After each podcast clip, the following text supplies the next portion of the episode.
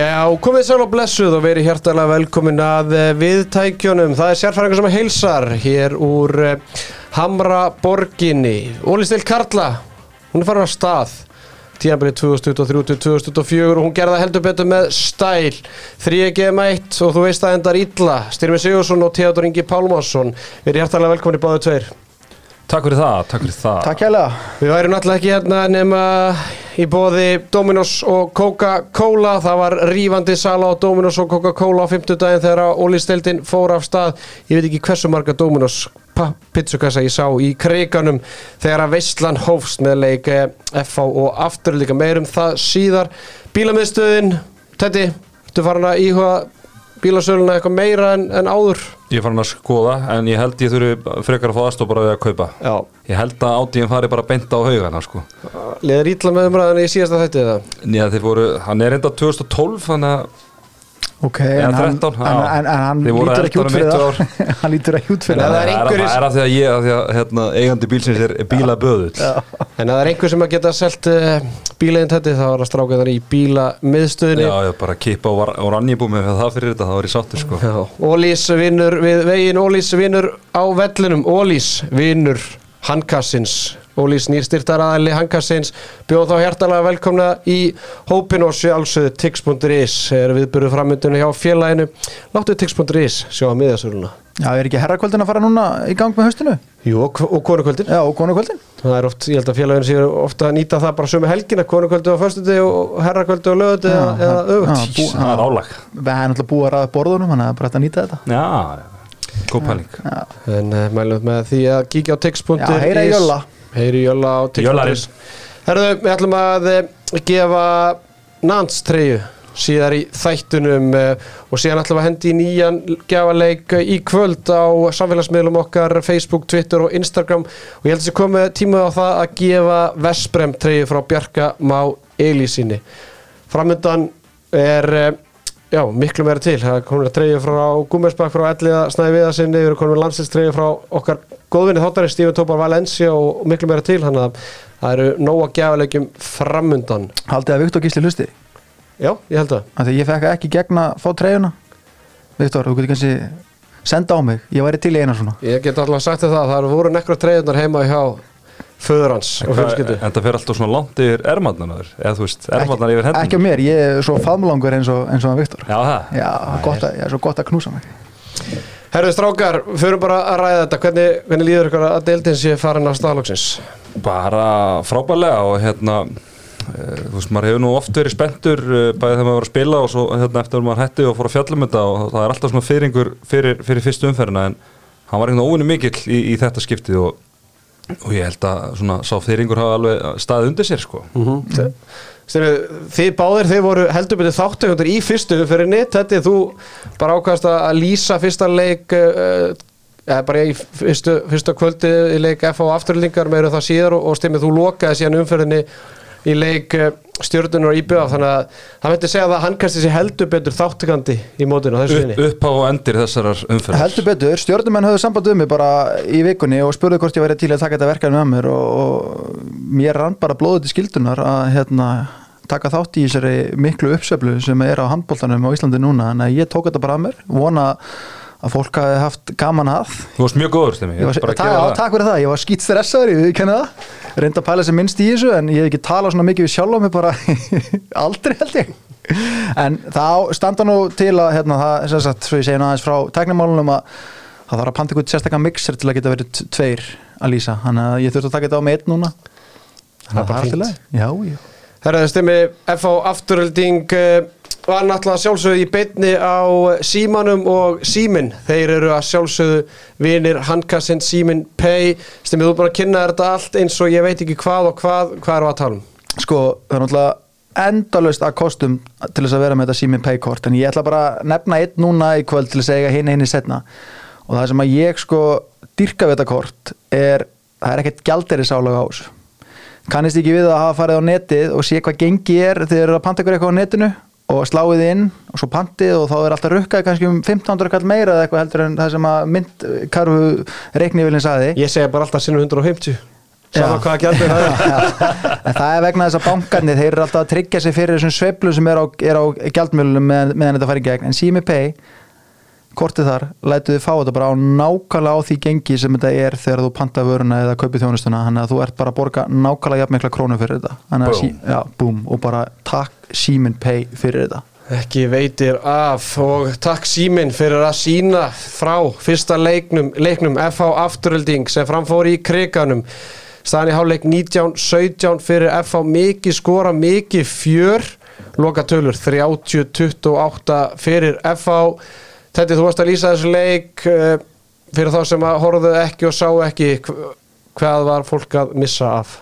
Bara algjörðu visslu og eins og við talaðum á hann að það var mikil eftirvending og hérna uh, af eðlum ástæðum. Náttúrulega Aron Pálmarsson að koma heim og, og Daniel Ferrandersson líka þó að kannski hann hafi ekki verið jafn mikið umræðinni og, og Aron en bara effangundi gerði þetta alveg ótrúlega vel eh, þú veist öll umgjörð þvílíkt, þvílíkt flott hérna í, kynningun í byrjun þá letur Aron lappa síðastan inn sem að bjóð til svona ákveði böss og, og, og svona sko þannig að Ótrúlega flott umgjörð, uh, stemningin vel mætt og, og svona ég upplýði þannig að þetta væri bara svo leikur fjögur í úslitakeppn, eða bara í úslita envi eitthvað svo leiðis en svo byrjaði leikurinn og bara þvílík byrjun á svo leik, þetta var sko þvílíkur hraði og svona óanlegt að sjá svona mikið hraða á, á þessum tíma á, á tímabilinu og veist og maður vissi þannig svo sem þetta var aldrei að fara hérna, geta haldið svona út og, og hérna og svo náðu þetta svona ákveðnu jafnbæði en En bara frábær leikur og þó F-fáingarnir maður að tilfinningun og þeir var alltaf með yfirhundina að þá voru afturhending segir og, og náðu svona að halda þessi leik svona og ná, gera það nokkur sinnum í leiknum. Mm.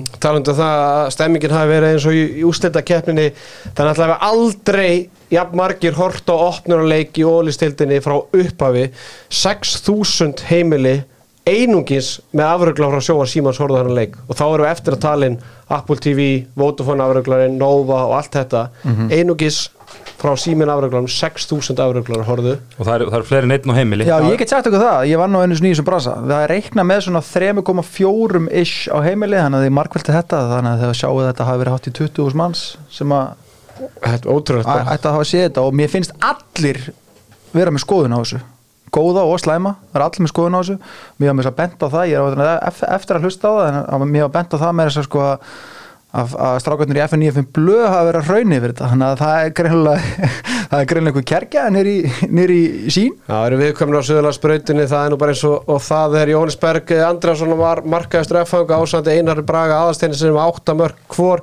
Frábærir Aron Pálvarsson velkomin í deildinu með sjö stóðsendingar og fimm mörk. Þurftu til þess að þetta tíu skot. En XG upp á 4,8 þannig að hann ok, það er mjög gott ég, ég, ég, verði ekki það, ég bjóstu að hann þyrfti færri skot eða ég bjóstu að hann er með svona 70-80 skotnendingu Já, var þetta ekki aðeins í loki líka þá var þetta aðeins farið að fara að á honum. heyra- og hérna uh, þessi eini tapaði bolti þarna þú veist að hann svona hann var aðeins þreyttur í loki, maður sá það en þú veist, í fyrri háleik sko, því líka sýningin sko, þessar sendingar oft á tíðum og, og þegar hann tók skotið, bara því lík gæði í þessum skotu hjá honum og þetta var bara sérstaklega í fyrri háleik bara því líkt augna konfett og svo fannst mér alveg líka að vera stundu þannig að þegar afturhelding voru svona virkilega að hóta að gera þetta leik aftur þá sáu eitthvað svakald skot í honum einhverja hérna sturlaða sendingu sem bjóti mark sem svona náði að höggva þess á hnútin sko. Mann ætla að klára þetta bara með þessari no-look sendingu á línuna undir lokin sem að svona og JB á JB og, og hérna náttúrulega Daniel Freyr Andresson velkomin einnig með 14 var að bolta 34% ja, hann klárar hann leik, bara eiginlega þú veist, Já. þegar að blær markvæslan og hraðaplönu frá blæði undir Já. lokin já, já, vissulega en, en bara klárum F árum fyrir með afturlýningu þeir vinna hann að leik með tvei mörgum úr því sem komið var þú veist, þá voru F-ákvendi bara stálhefnir einhvern veginn, þú veist, þeir hefði átt að klára hann leik með 5 pluss mörgum einhvern veginn, en þeir bara bakka einhvern veginn, bara hika þú veist, momentum eða með afturlíku lókleiks, þú veist, það er, er stundismenn afturlíka sem er staðinur upp á undan í stúkunni og farin að garga á sína menn, þannig að þú veist, það er eiginlega þessi, mér finnst það eiginlega, já það er tvent, það er þessi nólúksending frá Aroni á línuna og svo er náttúrulega markværslan frá Danna. Danni á nokkra markuslu þegar þeir eru þú geta minkað þetta nýri eitt Já, skilur þannig að það er svona eina svona spurningamarki sem ég set við þetta efalli bara, þú veist, jú, jú, afturlíka frábært lið. Þetta er lið sem er spáð öðru til þriða sæti skilur við, en, en bara úr því sem komið var þá bjósti bara einhvern veginn að FA væri bara með gæðin í að klára leik með 5-6 mörgum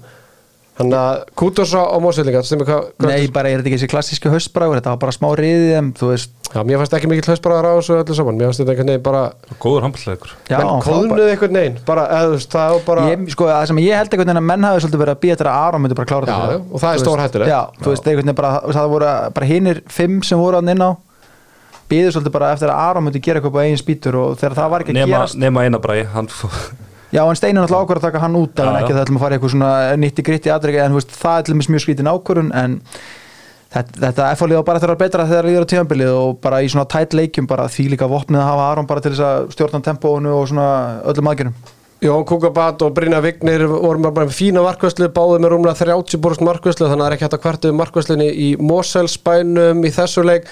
Þósteinn Leo með 9 mörgur 17 skotum, heldur betur lengi í gang, en hann náði að trekja sig í gang. Átni Bræði með 7 mörgur 12 skotum, Leo með DJ Fagnar sitt að vanda með 4 mörgur 5 skotum og aðrir minna.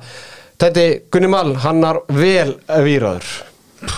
sko var þetta tímabili setni áleik sko veist, ég var nú að lýsa þessu leik og ég var eiginlega bara að missa mig yfir, sko, ég man ekki eftir svona varna framistuðu á einhverju 10-15 minna kapla, hann var með svona 15 fríkust bara á, sko, á einhverjum kortir eða eitthvað, það var ótrúlegt, það var allstaðar það var alveg sama hvar bolti var, hann var hann mættur og, og ég hugsaði með mér að hann hefur fengið sér Dominate prífurskátið frá fitnessport fyrir leik. Hann saman og ég er að nota þessa dagana og við getum orðað hann að ég tók þetta ekkert um daginn og, og var að leiðin í ræktina og svo komst ég ekki í ræktina og það var óþægileg tilfinning þú verður alveg vel výraðar af þessu fyrir þig eða fjölskylduna bara alla sem að þurftu að vera nált mér sko. Gunni Mall með 8 lögleg stopp, uh, flest ég voru fleiri, þetta er vantalið sko. Þetta er vantalið, eh, segir Ponsan, segir endurskoðandinn sjálfur. Uh, já, Mósellingarnir bara, þú veist, Birgisteinn með 1 mark og 5 skotum, ekki hans dagur, Ígor með 1 mark og 3 skotum, þannig að, þú veist, úr því sem komið var enn og aftur, þá held ég að Mósellingar getur nú bara prísa sér sæla, eða skilum bara, þú veist, þetta hefði alveg getað enda verra. Þú veist, þetta leit ekki vel út á tíðanbili. Mér finnst að F-fáingarnir líta svo fáralega vel út að, þú veist, ekkert annað lið hefði getað staði í F-fá heldur en afturlík. Þeir síndu líka bara hvað eru með mikið að geða leikmönum af því að þetta, svona þetta kom svona í köplum þú veist, hérna, Blær byrjaði ótrúlega vel svo tekur hérna, Átni bræði við Brynjar hekkur hans í gangi í markinu svo í setni hálfleik þegar maður held að FH væri klárunuleik þá, þá stígu Þorstit Leo upp og, og svona dreifu vagnin í lokin sko. þannig að þetta síndi manni það svolítið að þeir eru ekki á saman stað á FH, ekki komin í að blant og FH-liði en þeir eru með fullt af leikmönum sem geta stíð upp og, og dreifu vagnin og það er jákvætt fyrir afturhendingu.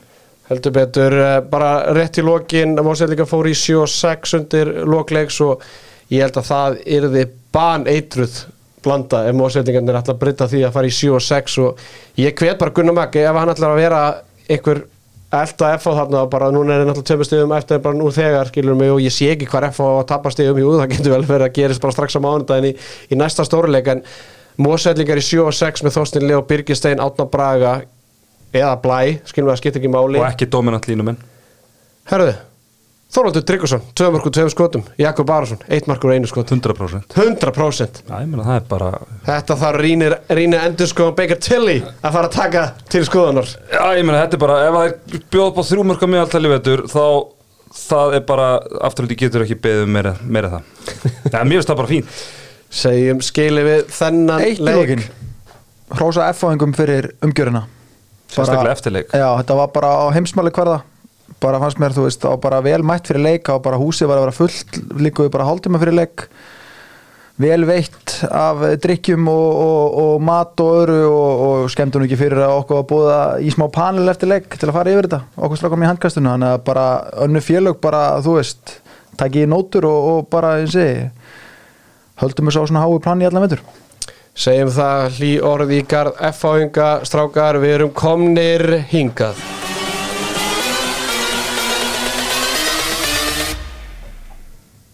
Bring that ass back like a boom, boom, boom, boom. Förum í næsta leik í bóði Oranja Boom og það er Kórin. Kórin er að kalla Július Flossason, hann er að kalla. Home of handball, home of handball. Hákvæðingar til hamingjum með fyrsta sigurinn í Ólestel Karl og það er fyrstu umferð og það er gegn mönnunum sem hata að spila mútið nýliðum.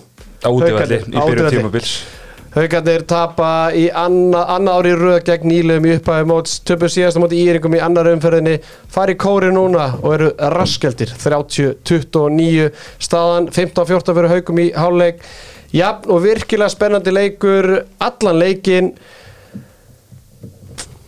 sko. Var svona aðeins í byrjun sem að held að haugarnir já já. en svo voru það er bara réttur, mjög jafn Uh, Basti segir í viðtali eftir leik hefum tapað þessu leik fyrir tveimur árum.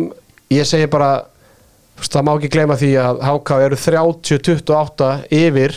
Þeir eru tvær mínútur eftir og eru með boltan og haugarnir eru samt í sens á að jafna leikin en Guðmundur Bræði klikkar víti þegar að leiktímin er liðin þannig að þú Það veist síndi mér ekkert að það var einhver mentality monsters þessi lokakabli sko. Nei, það er langt í frá, jú, jú, hann talar um hefni og auðvitað þarf hefnin að vera til staðar skilur mig og, og hérna en ég minna, þú veist ákvæðinni fór á taugum í lokin já, já, en eins og þeir hafa margótt en, gert. en bara vel spila lengur í, í 60 myndur Heldur Þa, það vinnur hann að leika, ekki, ekki lokakablin heldur betur, en bara sem betur fyrr kláruður þetta, því að, veist, ég þegar þetta, maður sá alveg að þetta var orðið hyggst í lokin og hugsaði bara svona kláruð þetta, eða skilum við, þessi sigur í HK veitir hvað er HK í næstu umferð?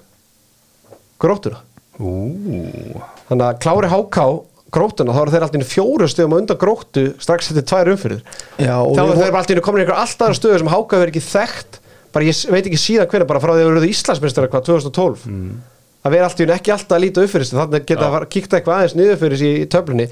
Falla Og 2015 svo- já, það held að þessi Já, þannig að HK-ingarnir eru í kjörstöðu til að fara í nýja stöðu á, í næstu umferð þegar að mæta gróttunni uh, HK-ingarnir voru með Hjört Inga Halldórsson og Július Flósásson á eldi Kökin Þetta segðu hlustendum hver Július Flósásson er Júli Flosa, heyrðu, hann er, ég veit hver er, ég er komin á þann aldur og ég veit hver pappans er, þekki pappans. hann hérna, Flósi Eiríksson, formaður Breðabliks, sem hefur nú verið talsverð. Sá umdeildi. Sá umdeldi og verið hérna í verkalýsfórustunni, var hérna frangatastöru starfsgreinarsambansins og, og svona í fleiri, og mamman, hún er, hún er jafnvel ennfræðari.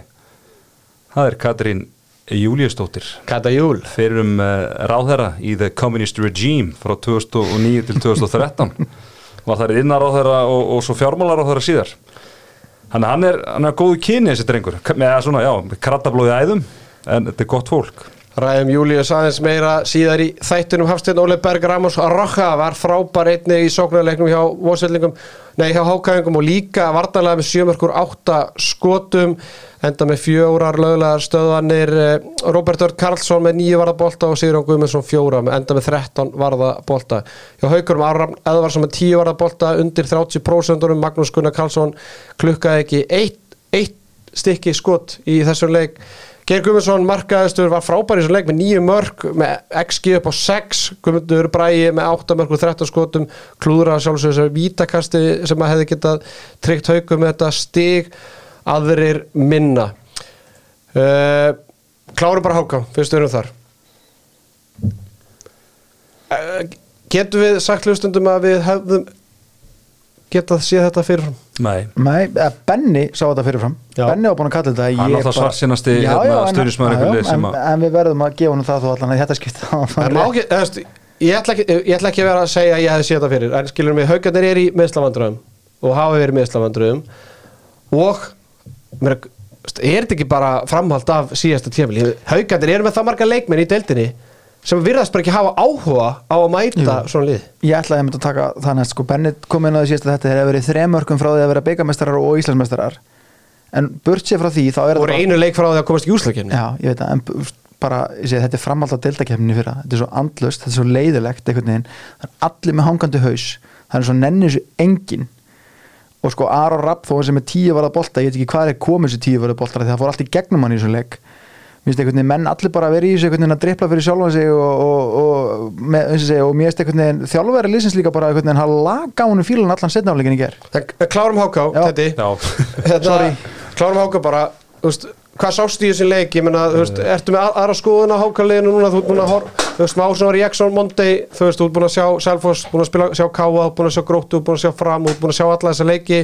Þú veist, lítur öðrum augum að háká, varandi bara sjans þeirra á að halda þessar uppi Já, sko fyrirfram finnst mér þetta hákulið talsvert meira úspennandi heldur en þessi lið sem við séum í síðust tvö skipti. Þar varstu með skilur Blæ Hinriksson Simon, Simon Michael og svo Einar Braga skiluru, Pétur Átni þú veist, svona gæjar sem hún vissir að það væri Einar Pétur. Einar Pétur, já, veist, já, Einar Pétur náttúrulega orðinn svolítið eldri skiluru, það var ég að tala um svona unga leikmenn sem að veist að geta ná langt sko. En eina var þetta með reynslu sem bara Íslandsmeistari Al, algjörlega, algjörlega, en þú veist þarna, þú veist, þegar maður horfir á þetta lið þú veist, þetta eru bara leikmenn sem eru bara átni 23, 4, 5 ára og, og svona, maður svona veit að þeir, þeirra kannski þak er ekkert svakalegt en það sem að ég sá í gæðir er að hann er bara búin að fá auka ár til að drilla þetta lið, þetta er nánast sama lið og var hérna uppi síðast. Og Já, þetta- mínus, mínus eina bræði mínus eina bara eins svona kjarnin Já, já. kjarnin er svo sami. Þetta er sama vörn, hann að spila þess að 3-2-1 vörn. Þessu passíu 3-2-1 þetta er sömu hérna reyfingar sóknarlega sem er þétt og svolítið pakkan hérna Vinstra megin og og, og, veist, og hérna ná, ná svona hérna opnunum en, en verður vandrarlegt eða klikkar.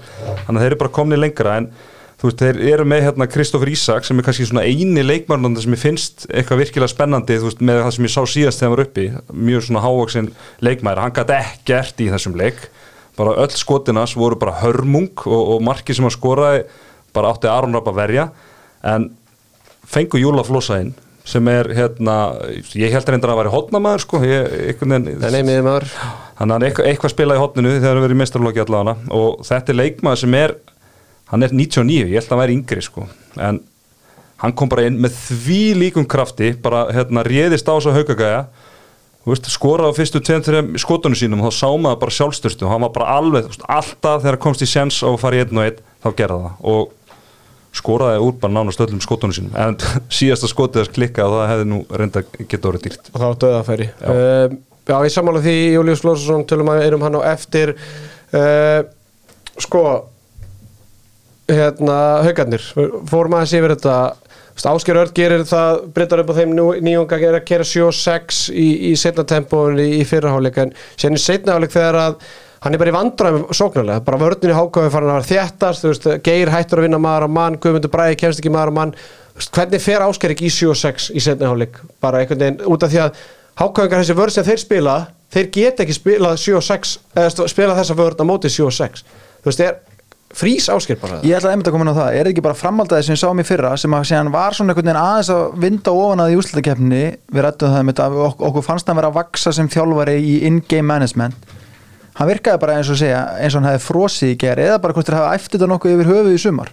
Þú veist það voru engin sörfin einu það var bara einhvern veginn tekið leikli og einhvern veginn verið að svona yfta öxlum og báð höndum og eftir þessi leikli þá vennilega sér maður eitthvað svona eitthvað sett upp. Mér haugarnir bara að koma inn og vera jafn ráðalösir eftir þessi leikli þannig að maður veldi reynilega fyrir sig hvort hann hafið eins og þú bara kemur réttilega inn á bara dotti í pínu í gamla farið eins og allt, allt haugalið og frosir reynilega Þetta haugarnir mæta stjörnunni í, í næstu umferð.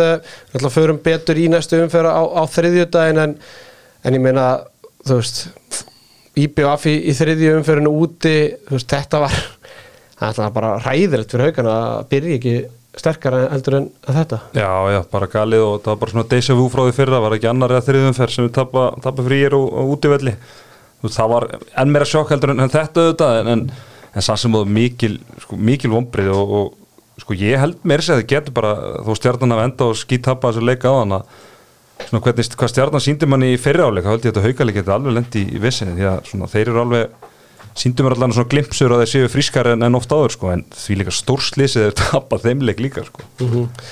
segjum, segjum skiluðu þennan leik og förum í, í Garðabæin þar sem að eigamenn mættu í heimsókn og unnu já ég ætla ekki að segja nokkuð þægilegan sigur en nokkuð örugan 33-24 eftir að hafa verið undir 14-13 og meira svo voru þeir undir 12-6 Þetta er rosalega sveifla, þetta er bara 15 marka sveifla bara, Já, maður hefur séð þetta bæði hjá stjórnunni og maður hefur líka séð þetta hjá IBF þú veist að IBF er svona það lið sem að er tilbúið að mæta með hausinu býr raskatan á sér en snúað síðan genginu.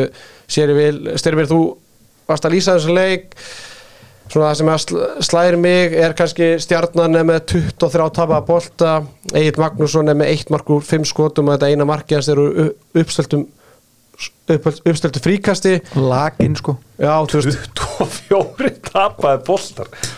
En meni, ég, Shit! ég held ég að byrja að vara við þessu í stöðunni 12-6 í lýsingunni að leikinnir í fyrra með þess að liða voru þannig að stjarnan náðu oft góðu fórskoti í fyrriháleik og svo bara síðan ekki söguna meir eða einhvern veginn rúluðu IBF er búin að rúlu yfir stjórnunum hún held í þreim, þreimleiki með röð í mýrinni í síðara háleik og stjarnan byrjar hennar leik á gífulegu tempói en ég ætla að sé svona 7-8 myndir og þá sé ég bara Egil Magnússon bara byrjar að gasa því þetta var þetta var allt og allt og allt og rætt tempo Allir ungbarnasundið sitt í honum sem voru saman í á þriðdæðin gæti verið, það tekur á að vera í ungbarnasundinu en, En en, þú veist, sín já. 20 sín 20% sína 20% skotendingu. Já, sko, ústill leiksins koma kannski ekkert á óvart. Fyrir leik, þá held ég um flest all, allir búist við að IBF myndi vinna leik. Stjarnan spiluðu vel þessa fyrstu 15-20 mínútur.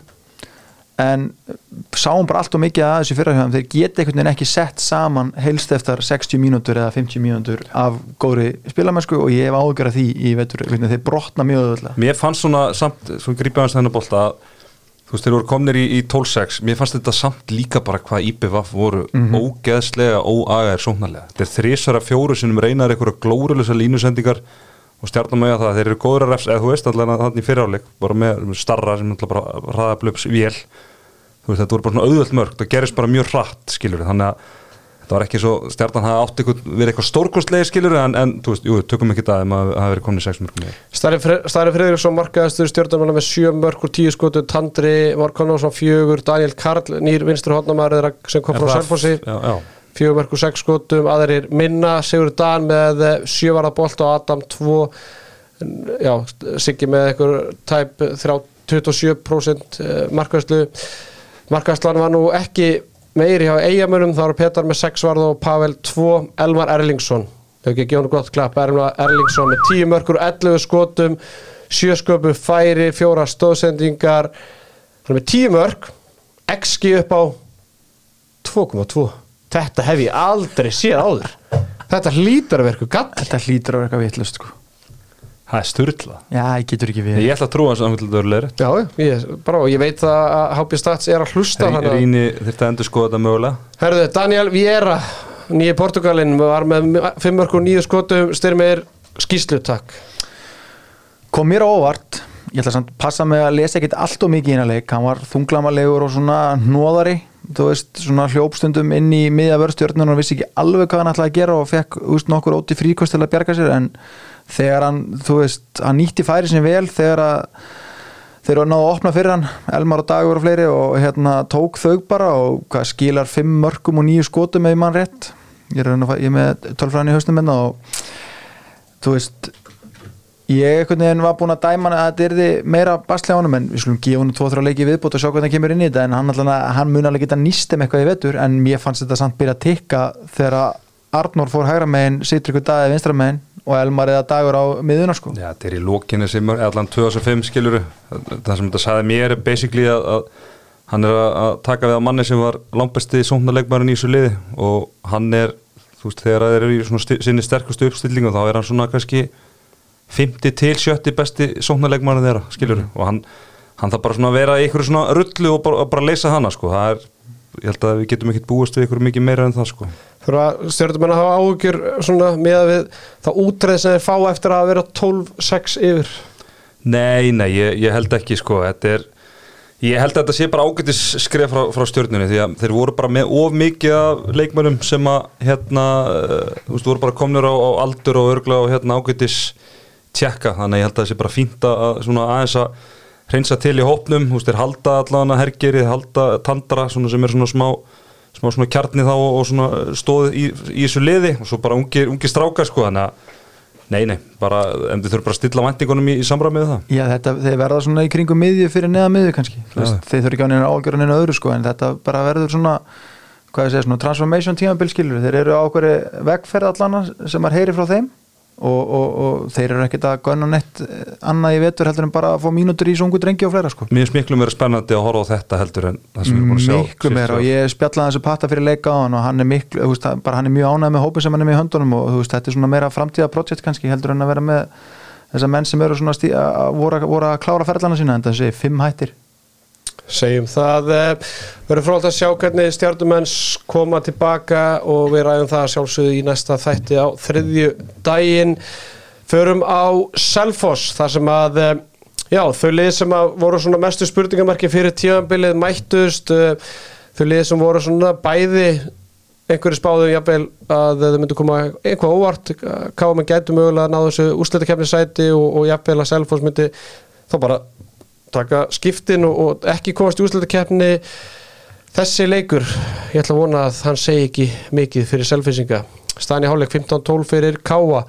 En allt í einu, þegar að leiknum var lokið, voru Káamenn búin að skora 30 mörg og Selfoss 23. Já, þetta er bara þessi byrjun og setni áleik hjá Selfossi sko.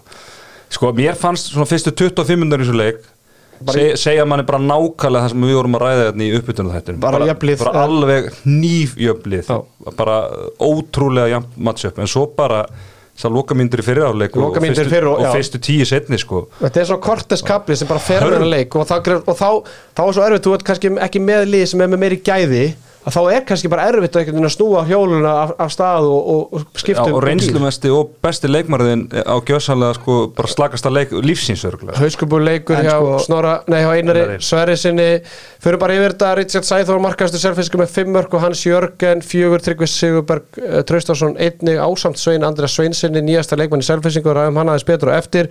En Einar Sverrisson 0 mörg úr 6 skotum 3 tafaboltar Blómar og kransar afþakkaðir. Rasimans með 8 varða bolta Jón Þóra en 2 hjá Káa Bruno Bernat með eh, 12 varða bolta. Normaðurinn, hann var ekki með í dag. Nei, Einar Birgir, markaðastur á línur með 6 mörg ásamt nafna sínum Einar í rafni með 6, 8, Varik Eistin með 5 mörg og aðrir minna, klárum bara selfisingarna strákar. Þú veist, þeir eru ekki verið fyrir að skýtu ég meina þeir eru búin að vita, þeir missa Ísak Gustafsson bara löngu áður að síðast tíðan byrja klárast. Þeir, jú, jú, gera ráð fyrir að Raggi Jósi mér, mér heyrðist eins og þeirra strákandir á, sem voru að lýsa leiknum að tala um að Sölvi Sá sem var hættur ég bara, ég verð að koma staði bara, bara, bara strax fyrir þáttur á þriðudaginn en, en hvernig er selfisingarnir ekki búin að sækja sér örfenda leikmenn Já, það er bara galið ég minn þetta lið var Íslandsmeistar fyrir nokkrum árum. Já, já, veist, ég, er, ég, held, ég held að vera eina sem vantaði ekki og Selfoss var örfendi leikmenn sko. Það var síðasta sem vantaði en, en allt í hennu sittar upp í þessari stöðu þeir eru nokkur að spila það eru tveir að spila í bestu deild í heimi þeir eiga það sko og síðan er, þú veist, missaður Svo Ísak, og, Raggi náttúrulega kemur þarna líka og, þú veist það- veist og, það er kannski einhver smá stípla í, í vélinni en, en En ég meina þeir að sækja hana réttenda spáveri hana sem að, var nú ekki að gera mikið fyrir mig. Nei, höfum það alvar hreinu og við þurfum ekki að tala um þennan spáverið sem einhvern aturmann, Nei, þetta er bara algjör áhuga maður sem bara koma til en vinna og en- allt þetta En hérna, þú veist, að þeir eru að vera að sækja eitthvað út og, og þú veist, Sveitnandri hjálpaði alveg potti en hann kostar auðvitað eitthvað það er spurning hvort að það budgetið fyrir eitthvað að fara í örfenda leikmann, Ma, maður veit það ekki og kannski bara fundur ekki en örfenda leikmann meina, reyndu, nú, nú tala ég að reynslu að, að þú veist, það er það fer minna budget í góðan réttandamann heldur en örfendaleikmann þú veist að þú færð meira fyrir peningin eða þú kaupir réttandaleikmann og ég ætla að gefa mig það að þeir fá meira fyrir budgetið að fá Svein Andra heldur en Ja, en þá bara hafa þeir ekki fundið fundið hann, ég meina þeir hljóta, þeir átta sér alveg, þú veist, þetta er engin vitleysingar þarna, sko, þeir átta sér alveg á þessari stöðu, þannig að og svo, veit, svo veitum við ekkert, hætti Sölvi hættan í síðustu viku eða hættan í, mæ við þurfum að komast í því en, en myndinni, sko. Þessi úslit eru gríðarlega mikil vombrið og, og mikið ágefni fyrir selfinsingar sem fara í Mósesbæðin í, í næsta leik og, fá síðan valsmenn í, í heimsókn í, í þriðju umferðin og fara svo í kaplakrigan í, fjórðu umferðinni og þannig að þú veist það er mögulega fyrstu, fyrstu stíðin í fymtu umferðinni þegar vikingarnir komið í heimsókn en þetta er Veist, þetta, er ekki, þetta er ekki eins og heldur að tapa í einhverju spennutrilli. Þetta er bara sannfærandi tap og heimavelli gegn liðið sem endaði í tíunda sæti á síðast tíma. Já, og ég fór að hafa águr sko í fyrriháleik þegar ég var að skoða hérna, stöðu, eða hérna statsið að þá sá ég að Rasimas var sko með alla sína vörðu bolta held ég í fyrriháleik hann var á tímubili með 60% Já. markvæsli, bara alveg þegar Já. liði ágætla á Já. fyriráleikin, og sko. á sama tíma var Bruno með eitt var skot en samt var þetta jafn leikur og þá hugsaði sko ef að Bruno myndur hökk í gang þetta var sko selfisinga þarna hefðu þurft að byggja upp eitthvað fórskot þannig að þá fór ég að hafa miklar ágjörðar og ég er guðslefandi fegin að hafa tekið upp eða hérna í uppbytuna þetta og sagt að káa menn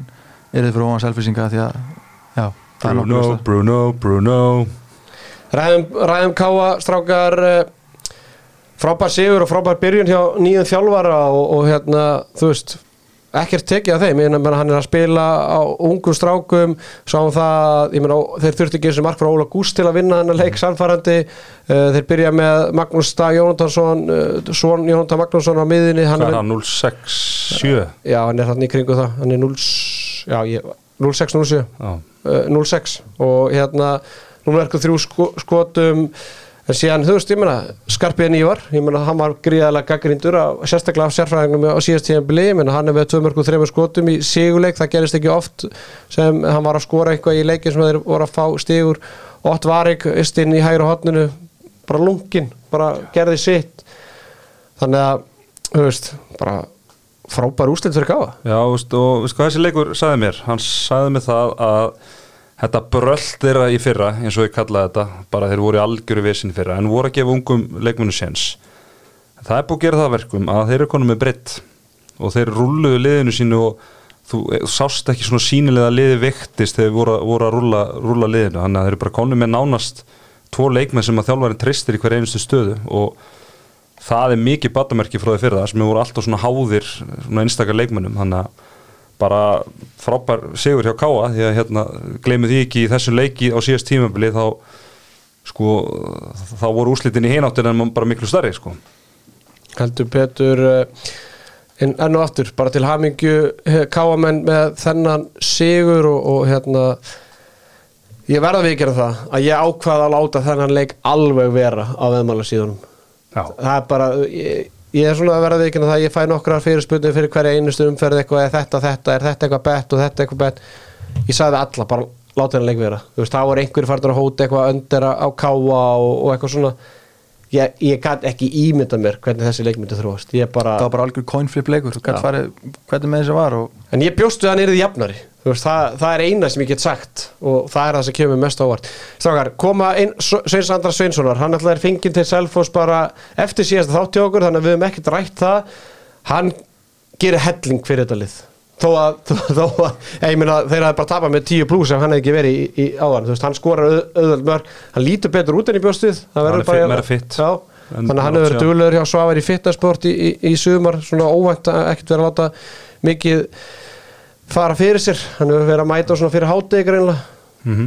til Svavars. Þannig að bara gríðarlega mikilvægt og, og, og, og ég, er svona, ég er ánæður með hann að fara í Selfoss. Bara einhvern veginn þú veist styrt lið sem er, í veist, hann hefði alveg getað fyrir bara fyrir hauka og þú veist, það er bara að styrkja top 4, top 5 liðina. hann horfur í pjúra gæði bara á liðinu veist, þá er hann sennilega nummið tvö í þessu selfhúsliði kannski eftir einari sverri það er eitt í miða þennan leik. Já, við tökum bara hérna, það samplesæsi sko en, en þú veist í staðin fyrir að fara kannski ég veit það ekki, afturheldingu eða eitthvað, þú veist það sem hann hefur bara verið hluti í einhverju, einhverju svona róst, einhverju róster sko og ég svona hugsa Gunni rullu, bara rullu leikmaður. Já, ég hugsa að Gunni hefði bara hemt sín og var bara aftan upp í stúku. Já, já, mögulega. En hvað er, er orðið, það er orðið ótrúlega erfitt fyrir selfising að fá Íslandinga til sín? Ég meina Já. Guðni Ingvarsson er mættur aftur. Já, á línum ég líka bara, þú veist, ég þurfti að ná í glerugum bara, ég trúði ekki í mínum eigin augum þegar ég sá bara, er þetta hann fór að hoppa í stats? Jú, jú, hann er mættur. Er Hver er síðast Íslandingur sem fór ég held það. Heiðin er á nervuð vöðunar, lokast Ég meina, hvað er, hvað, hver er síðast Íslandingur sem fór á innlenda markað? ég eru Hólmar, já, bara á milli, milli liða. Já, uh, Sveit Andra kom frá Þýskalandi. Já. Raggi Jó kemur frá útlöndum. Einar Sverris kemur frá IBF Hann kemur heim. Uh, Magnús Ötter já, en vitum við, eru, eru selfisingar að reyna Hann er alltaf selfisingur, hann er sko. fór, kom frá Þeir eru að reyna sko. Eða eru þau bara að treysta á þessu akademíu sín og alltaf bara að halda áfram að búa til. En ég múið sér það, þetta eru bara útlendingar, selfisingar og, og sveitnandri með ólíkindum það eh, kíkjum aðeins í Origo-höllina það strákar þar sem að eh, valsmenn unnu nýleða Vikings með nýjum mörgum 35, 26, 17, 10 yfir í háleik Vikingar allt í lagi, ekki gott í 25 minútur en síðan ekki sögun og meir. 5-0 kapli vals á síðustu 5 minútum í fyrirháleiks fer heldur betur með þetta. Það var breytin hjá val, ótrúleg leikmenn sem eru utan hóp sjáðum í þessu leik Bergur Eli, Breykir Rapp Valdimarsson, Jóel Berburg Óskarbjarni gerir vel í þessum leik hann rúlar hópnu mikið, það er tónleik með val sem skora veist, val, valsmenn þetta var þetta var þægilegur göngutúr í garðinum. Já, svo sannlega, það var kannski svona, eins og segir það var svona kannski smá hérna, eh, svona erfið fæðing í byrjun en svona eftir að náðu þessum kapla og, og slituðu frá sér og við séum þetta margótt með þetta varsli svona síðust ár, svona leiður náðu þessu smá andrými að þá einhvern veginn leggjast bara lið á baki og þetta verður bara mjög auðvelt og það var bara nákvæmlega það sem að gerist í þessu leik og, og bara mikilvægt eins og fyrir Allan Norbjörn til dæmis koma, koma nýr inn í þetta og, og, og byrja svona þokkalega vel og, og, og annað sko. Þannig að þeir líta bara frábælega vel út. Vikingarnir uh, styrir mér kannski ekki þægilegu leikur að fara í og kannski bara fínt að þetta sé búið. Ég fekk spurningu hérna uh, hvort það væri hérna, stjórnandi handkassin sem að þið var hérna, með fjögur og sjö Með Sigursson Já, það var hann. maður sem að situr stundum hérna og hittir Rappkjell Freyr mm. sem ég held það þannig að- Ég hefði þá verið með fjóra og sjö í markinu. Varinn.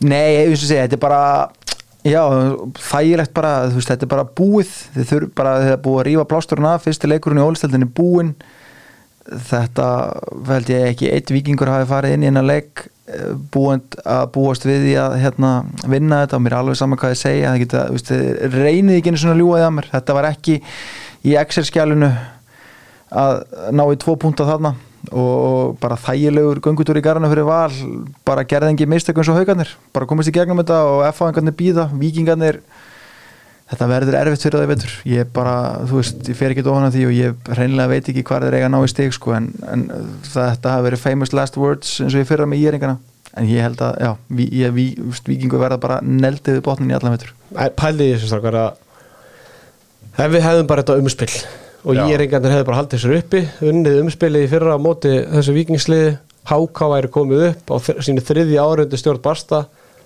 við væri bara með Self, Selfors slagari, þú veist, hérna Káa, bara nánað falli í fyrra þú veist, gróttan, þetta getur verið rosalega bara þetta, við höldum þessu bara áfram á lofti. En þetta getur orðið fjölið já, Já. En það verður gaman í vetur, svo ég kom aðeins inn á valsarana menna bara þetta markvara, nú eru komið tvo landslismarkmenn í deildina, það er svona sem er að gera tilgætt í liði, Björgum Pátt Gustafsson og, og það verður gaman að sjá hvort að hann hvort það verður smá spark í rassin fyrir hann að, að, hérna, að Daniel Freyr Andresson sé komin í deildina því að nú verður bara rosalega einfalt fyrir okkur hérna allan í þessu podcaststudió að bara rýna í prósendutöluna fyrir hópin sem verður valinn fyrir Ég ég horfi alltaf á varðabolta og það er það er 14-13 fyrir Danna. Mm 1-0 Þú heldur utan á þetta? Já, það er 14-13 Nei, meina haldið að snorri munni, þú veist getur hann litið fram hjá Danna ef hann er að eiga betra tímabil? Eða tekur hann reynsluna? Ég held að, ég, ég, sko mín tilfinning er svo að ef við hugsa hvað Snorri, hvað ég held að hann geri að það þurfti að vera alveg hrottalugur munur á milli þeirra til að hann taki Danna fram með Björn Já, Já, já, og það má heldur ekki gleyma því að, að Björgun er kannski ekkit endilega markmaður nummer eitt og þá kannski tekur að frekar reynsluna mm -hmm. skilur mig og þú veist, bæði það að þekkja, þekkir Björgun, veist, er að fara á sitt fyrsta stórmót og er kannski nummer tvö þú veist, einhvern veginn tristar að því að Daniel Freyr verði markmaður nummer tvö skilur mig, og eftir Viktori svo ekki náttúrulega ekki gleyma Ágústi Eli sem er náttúrulega, þú veist, Ríbi Esberg er að gera frábæra hluti og ég ræði það kannski betur á, á þriðjudaginn en förum í síðasta leik umferðunar og förum í Úlfarsárdalinn þar sem að eh, framarar mættu gróttu. Þessi lið hafa já, verið að etja kappi ansi oft og uh, mikið barist þegar þessi lið mætast og það var heldur betur uh, barist í þessum leik. Gróta leiti með tvei mörgum haldið ykkur fast, 10-8 í hálfleik. En þegar upp í staði þá voru það framarnir sem fóru með Sigur og Hólmi 26 25 eina baldvin í marki gróttu gjössanlega frábær með 40% markvislu rúmlega 17 varða bolta. Það er bara áhugjefni að grótta skuli ekki vinna fram með markvislu upp á 40% mm En á móti þá var guttin í markinu á fram hann var ekki langt frá honum. Það má ekki glema því, það má ekki glema því og, og auðvitað hérna, var Arnum Máni frábær líka í marki framarann með 14 var það 36% markvæslu en lokakablin í þessum leik var ótrúlegur framarnir leittu 26-24 og voru með boltan þegar að 30 sekundur eftir, við vorum að tala um áðan að hákangarnir leittu með tvei mörgum þegar að 2 mínútur eftir voru um boltan framarnir leittu með tveimur þegar að 30 sekundur eftir voru um boltan þeir klikka, gróta keirir jafnar, eða mingar munir í, í eitt mark, framarnir fara í sókn, eru grótar í maður og mann, tapa boltanum gróta keirir upp á skot úr þröngu færu og vinstur hotninu við sáum ekki alveg hvort að tími var liðin eða ekki, en allavega gróta hafi fengið tækifæri að jafna en allavega með ólíkindum og það hefði allavega verið ótrúlegur endir en enn og aftur hvað, nú er þetta hvað eh, fjórða tíðanbli sem gróta er upp í ólisteildinu og enn og aftur er að tapa þessum leikjum með einu marki. Já, já, þetta er eiginlega með ólíkindum og þú lendi nú ansi, ansi oft í þessu að tapa svona leikjum sem voru mjög jafnir og en ég menna, þú veist, úr því sem komið var að þá vel gert við þeim að, að ná að gera þetta leiki í lokin og mótið svona kannski framararni líka, bara svipa og kannski háka og gerir, svona lendi í einhverju paníki og ætla að fara að verja verja fórskotið og, og það getur verið hættulegt en, en ég held að sé mikið léttir í Úlfars Árdal að hafa að klára þetta Heldur betur, eh, hjá framörum var Rúnar Kárásson markaðast með 7 mörg úr 16 skotum, Ívar Lói 5 mörg úr 5 skotum, eh, Þorsteinn Gauti Hjálmarsson 3 mörg úr 9 skotum og takk ég eftir, ný leikmaður Ólistil Karla, Dagur Fannar Möller. Hver er þetta? Herru, þetta er úr La Valsi Akademíunni. Já, Fættur árið 2003, jafnaldri og góð vinur Tryggva Garðars, þeir eru að vinna saman og hérna, hann er bara elda Tryggva Garðar yfir pakkadíl Ennett Ennið pakkadíl pakkadílinn, tvei fyrir einn bara tvennu tilbúið á Dominos og, og hérna ég meina hann er bara líki hlutverki á fram. Ég meina Marko Korins hefur verið að klímaði meðsli og, og hérna Dag og Fannar spilaði bara lunga á, á leiknum og skora þrjú mörkur úr fimm skotum, Tryggvi Garðar ekki kannski hans stjórnum leikum með tvö mörkur úr sex skotum og tveir tapaði boltar.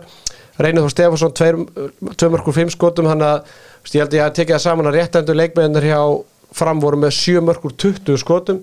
Þannig að þú veist svona tölfræði svona ítir ennþá undir það hversu grátlegt og hversu bara svona klauvarætt það er hjá gróttu að klára þetta hérna þennan leik ekki grótta við 16 tapa bolta framarinn 10 Ívalói frábær hjá framarinn með 5 mörk úr 5 skotum 100% hjá uh, gróttunni. Það var Ágúst Ingi Óskarsson sem kom úr haugum U.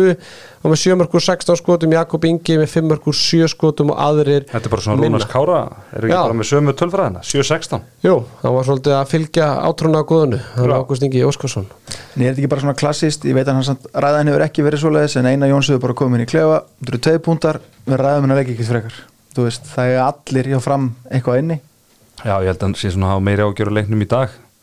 Já, Já, hinu liðinu sem hann er að þjálfa En strákar, á, á línunni er uh, sá sem að skoraði sjömörk úr 16 skotum í þessum leik og við vorum að ræða Rúnar Kárásson verið hærtalega velkomin á línuna. Hvernig var svona tilfinningin að spila fyrsta leikin fyrir fram og, og vera bara komin í heim í, hvað, maður, maður getur sagt, ekki sagt heima, heiðadalinn Jú, eiginlega bara. Já, ok, Úlfarsárdalinn Já, já, heim í Úlfarsáldalinn, já, ég get mikið sagt að þessu sterkar rættur þarna hjá mér í Úlfarsáldalinn, sko, en, en, það er samt alveg mjög vinalegt að vera í, í, í framheimilina þeim frá og þú veist, það er sama fólki að þetta, sko, það er sem í nýju póstumöri, sko, og hérna, og margt mjög notalegt við þetta og hérna, veist, það er bara gaman, sko, þú veist, maður náttúrulega bara, samt varðir gaman, sko, að það er svona meira til þess að, til þess að maður fóðum fyrring í maðan heldur en að að skipta um lið, sko, ég er svona, og gera það alveg nægilega oft til þess að, að nýbíla líkt þessi farin af því sko. mm -hmm.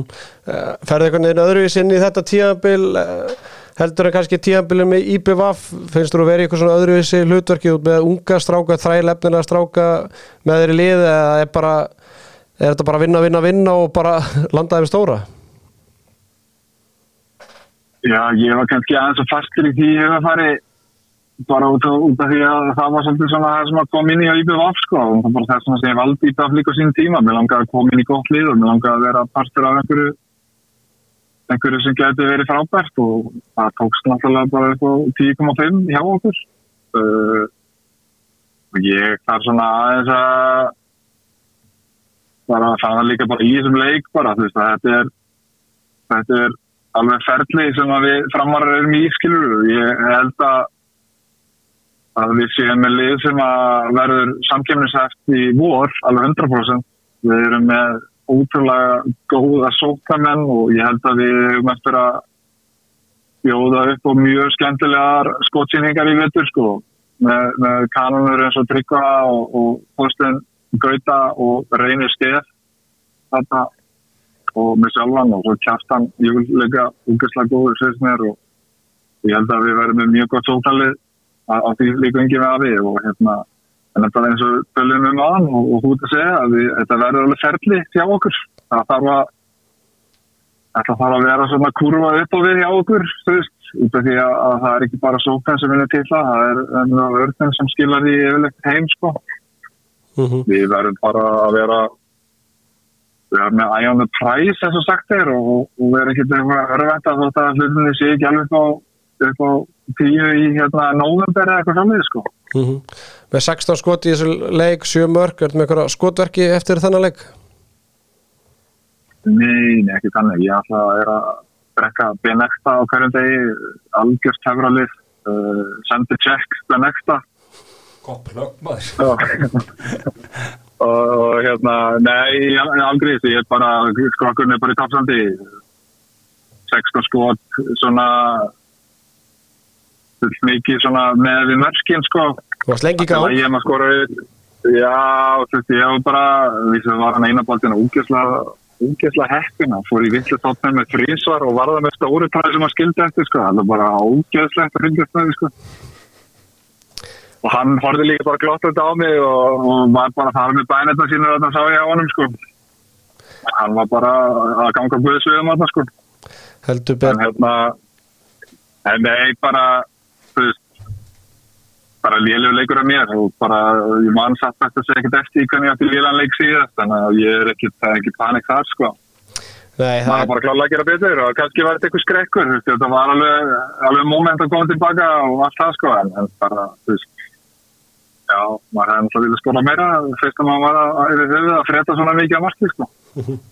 Tvö stig er samt verði ekki tekin af ykkur og stigasöfnunin heldur bara áfram gegn Káa í, í næstu umferð. Þeir fóru létt með selfinsingana í, í dag þannig að það verður frólt að sjá hvernig sá leikur þróast. Rúna Kárasson takk hérlega fyrir að taka upp tóli þegar sérfæringur heyrir í þeir og, og ég segi bara gangiði vel á nýjum slóðum. Já, takk hérlega og verið velkonu tilbaka handkastið. Ég er búin að hlusta á okkur. Það. Það er allir að hlusta.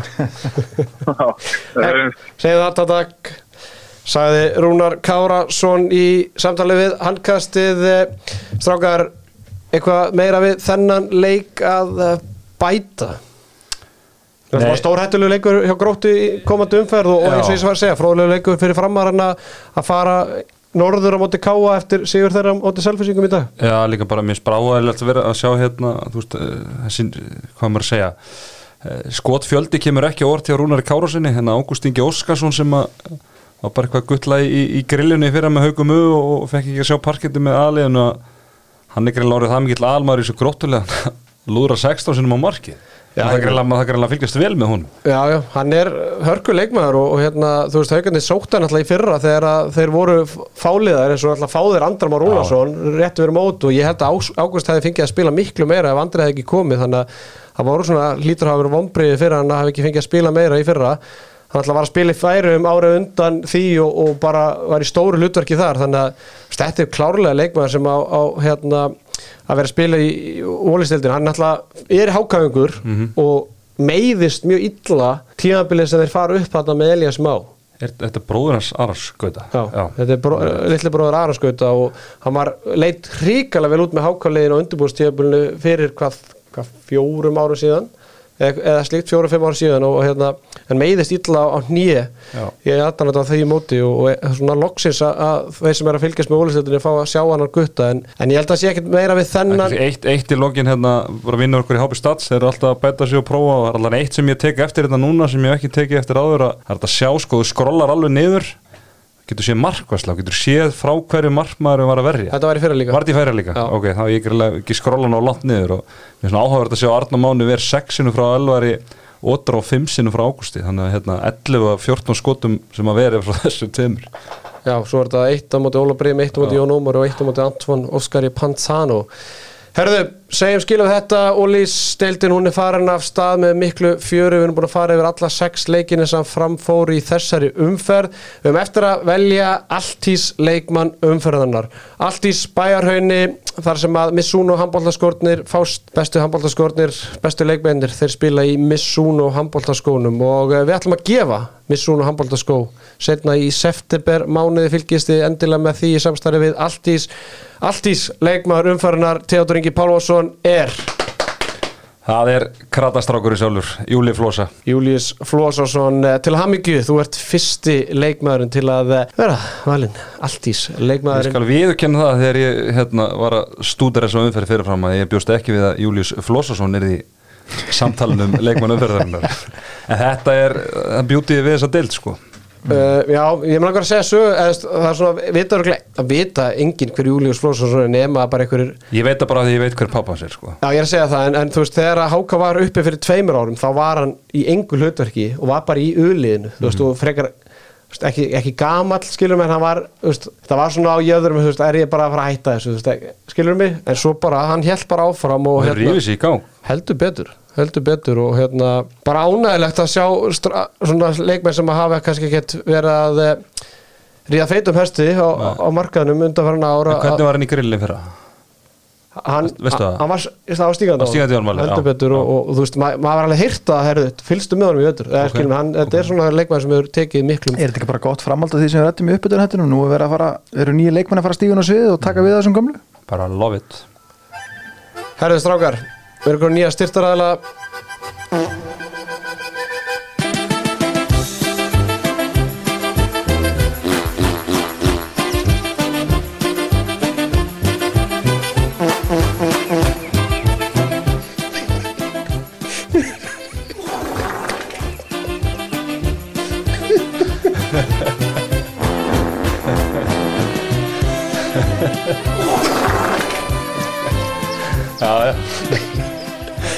Ég verð að viðurkenna það. Þrýr menn á færtusaldri að hlæja yfir Ég er að brauð. fyrir tíu ára sinni minnum að kúk og pissbrandara séu búnir ég var að veikina það, ég var bara að googla poop song á YouTube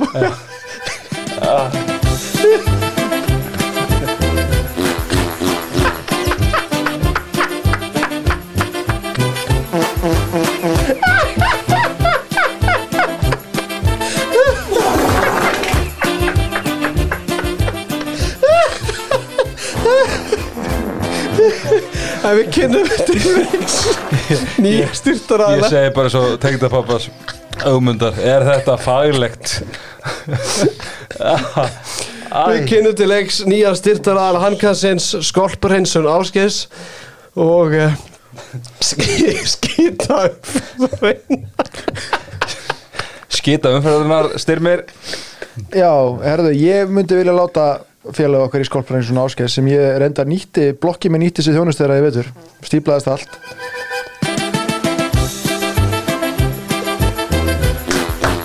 Já, svo ég haldi áfram með söguna þá hérna, stíplaðist allt öðrum með henni í blokkinu og ég sem gælgeri blokkarinn þurfti að skrifa upp á hennar reikning, þeir voru komnir 20 myndu síðar á sunnudegi að redda málunum.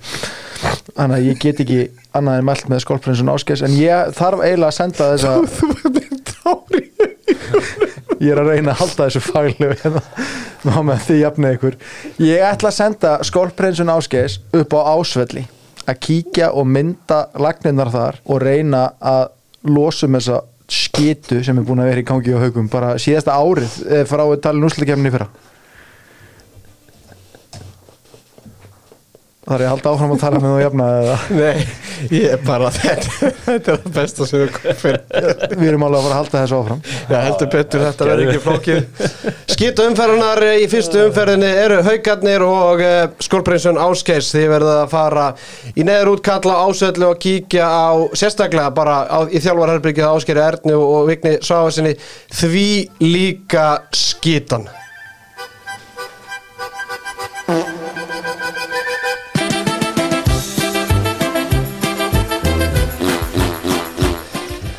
Já, segjum þá eh, skilið við eh, þær viðurkenningar sem við veitum fyrir þessa umferð strákar, eh, eitthvað sem við viljum bæta við áður við förum að draga í gjafaleiknum? Nei, nei, ég er þar að fara að drífa mig heim að passa þannig að já. bara, þú veist. Bara geðu eitt lag hérna, Já, prófstaðan bara aðeins að koma inn á, þú veist, tæknina. Ég er illa spenntur fyrir þessu. Það verða smá byrjun og erleikar á þessu þú veist, tæknin er er að læra, en hún mun læra hratt. Þannig að ég spái því bara í annari þriði umferð þá er þetta orðið bara, bara geggjað. Já, ég ætla hann, ég var nú að lofa því á Twitter ég ætla hann að vera hérna talsmaður HSI og, og, og Símans og hérna, þú veist, eins og þú sagðir áðan í þættunum að það verðast allir hafa skoðan á sig öllu saman og hérna, þú veist, ég held að ein- einmitt eins og Styrmi segir, þú veist, það var nokkuð ljóst, það væri mjög óeðlilegt ef eftir sex vikna vinnu að það væri allt fullkomið, skilum við, þú veist, þannig ég, mér- ég svona, mér finnst eiginlega bara frekar vandra að fólk skuli hafa ætlast til þess einhvern veginn, ég skil þetta ef við erum á sjötta ári eða, fyrst, eða þriðja ári eða, jafnvel öðru ári. En þú veist, ef, ef, fólk, ef fólk held í alvörina er, þetta er bara frábært frá fyrstu umferð þú veist, af hverju væri það ekki bara allir í þessu? Já, og þetta fær, svona, allan okkar miðvarðar þetta fær eiginlega bara frípassa út, út fyrsta árið því að, Já, þú fyrstu- fyrstu já, já, umferðirnar sko, þú veist, tölum bara um þetta eins og þetta er. Ég meina, þú veist, ástæðan fyrir þetta fer frá, frá stöðusport er að hérna var framleyslu kostnæður Mhm. þú kaupið bíla á 10 miljonir svo kaupið bíla á 2 miljonir þú veist, það er Það munur á milli. Það er munur á milli og, og þú veist og þú þarft allan að kunna helviti vel á hana bíl á 2 miljonir og ætlar að fá það samúturunum sem kostar 10 miljonir og það bara mun taka tíma og þú veist, það er bara til að, það mikið að leðilegu fólki að veist, það er búið að býða bara í marga vikur eftir að geta drullað yfir þetta þú veist, af því að það var óhugkamilegt að það myndi eitthvað, eitthvað koma upp á. þannig að, hérna, þannig að það bara önvíla sér sjálft sko en það sljókum bara eins á og þetta verður ég held að þetta hefur, þú veist, bara fullt af, af kostum og, en, þú veist, það verður einhverju hnökar í þessu líka. Mér finnst eiginlega eina sem að mér finnst hægt að gaggarinn að HSI er það að leikirnir í gæra og í fyrradag voru allir 1930 sem er bara frábært. En svo einhvern veginn í dag klukkan fjögur og kortir yfir sex og svo þú veist kvennadeildin sem að við náttúrulega munum líka hérna ræða eins þú veist það var leikur í dag klukkan eitt svo hálf tvö, kortir yfir fjögur og hálf fimm. Þú veist þetta eru fjóri leikir allir á sikkur tímanum í dag. Ég held Og að að- félögin ráða bara miklu. Já, allt og miklu. Og þú veist að mér finnst alltaf að gaggrinn hási í þarna skilum einhvern veginn að að, þú veist, ég hafði ekki hugmyndum, ég vissi að það væri nokkur hvernig leikir í dag og ég vissi að það væri tveil kattaleikir ég, ég hafði ekki hugmynd um það hvenar þeir væru. Mm. veist, ég vil bara vita það, ég, mér finnst bara ef það ekki að vera tveir kattaleikir á lögutum þá eiga bara að vera klá fjögur og sex. Alltaf. Bara alltaf, að maður þurfi ekki hérna þú veist, áðan þegar ég var að fara að horfa á stjórnuleikin ég var að byrja að kíkja þú veist, kortir í sex, skilum að því að útsendingi myndi byrja aðeins fyrr og svo sex. Svo var alltaf kortir yfir sex. Að ég, ég hef ekki tíma að vera á textarpun allan daginn og aðtöða hvernig leikindur eru. Er ekki, þú veist, getur ekki haft þetta bara þú veist, 6, 8 og föstu, eitthvað, eitthvað þannig skilur það er bara hálf átta, skilum við Já, þú- þú- kannski þannig að fólk getur séð tvo leiki eða eitthvað, eitthvað Já, slíkt sko. ég meina Karvan er að fara úr þessu og vill bara hafa eitt leiktíma, já. að- þannig að- og ég er eiginlega á því og frekar þá bara að, að þrý leikir svo á sama tíma og, og bara þú veist að það er leikur hálf átta og, og hérna en allavega þetta var svona smá aukapunktur uh, handkasti kveður að, þessu sinni. Við ætlum að draga. við ætlum að draga í gjafaleiknum. Og uh, sérfræðingur hann dró. Og uh, sigurveðran í þessu sinni í fyrsta gjafaleik handkastins á þessu tíðanbili er engin annar, en Sigurður Jón Vilhjálmsson. Og Sigurður Jón Vilhjálmsson hann getur fengið treyjuna með því að samband við okkar besta mann Styrmi Sigursson Styrmi Sigursson verður með treyjuna á sér alla þessa viku og verði Sigurður Jón ekki búin að sækja treyjuna. Á hana? Já, Það er svoleiðis, en við þurfum að því- hann af því annars endur hann í skottinu og stimma eins og treyjans ágúst Við þurfum að, við að, við tökkuðum líka á Instagram nei, Sigurður er bara að hlusta á þáttinn. Þannig að ef, ef vinnur ættinga Sigurður er að hlusta á þáttinn þá verði að minna ná, eða hvernig til að hlusta á þennan þátt og, og hlusta á þessi skilabóð því að það eru hlustendurnir sem vinna það er ekki einhverju fylgjendur. Við viljum hlustendur og við viljum fylgjendur. Þannig að Sigurður Jón, þú hefur viku til að sækja treyjuna til styrmis. Ef ekki styrmir þá máttu eiga treyjuna. Gaman að segja fyrir því, ég er að fara erlendis á morgun. Nei, nei, nei. Þeir bara í airplane mode næstu vikuna. Yes. Strákar, takk fyrir þetta. Við verðum aðeina aftur á þriðjutaskvöldi þar sem við hittum upp fyrir aðra umferðina.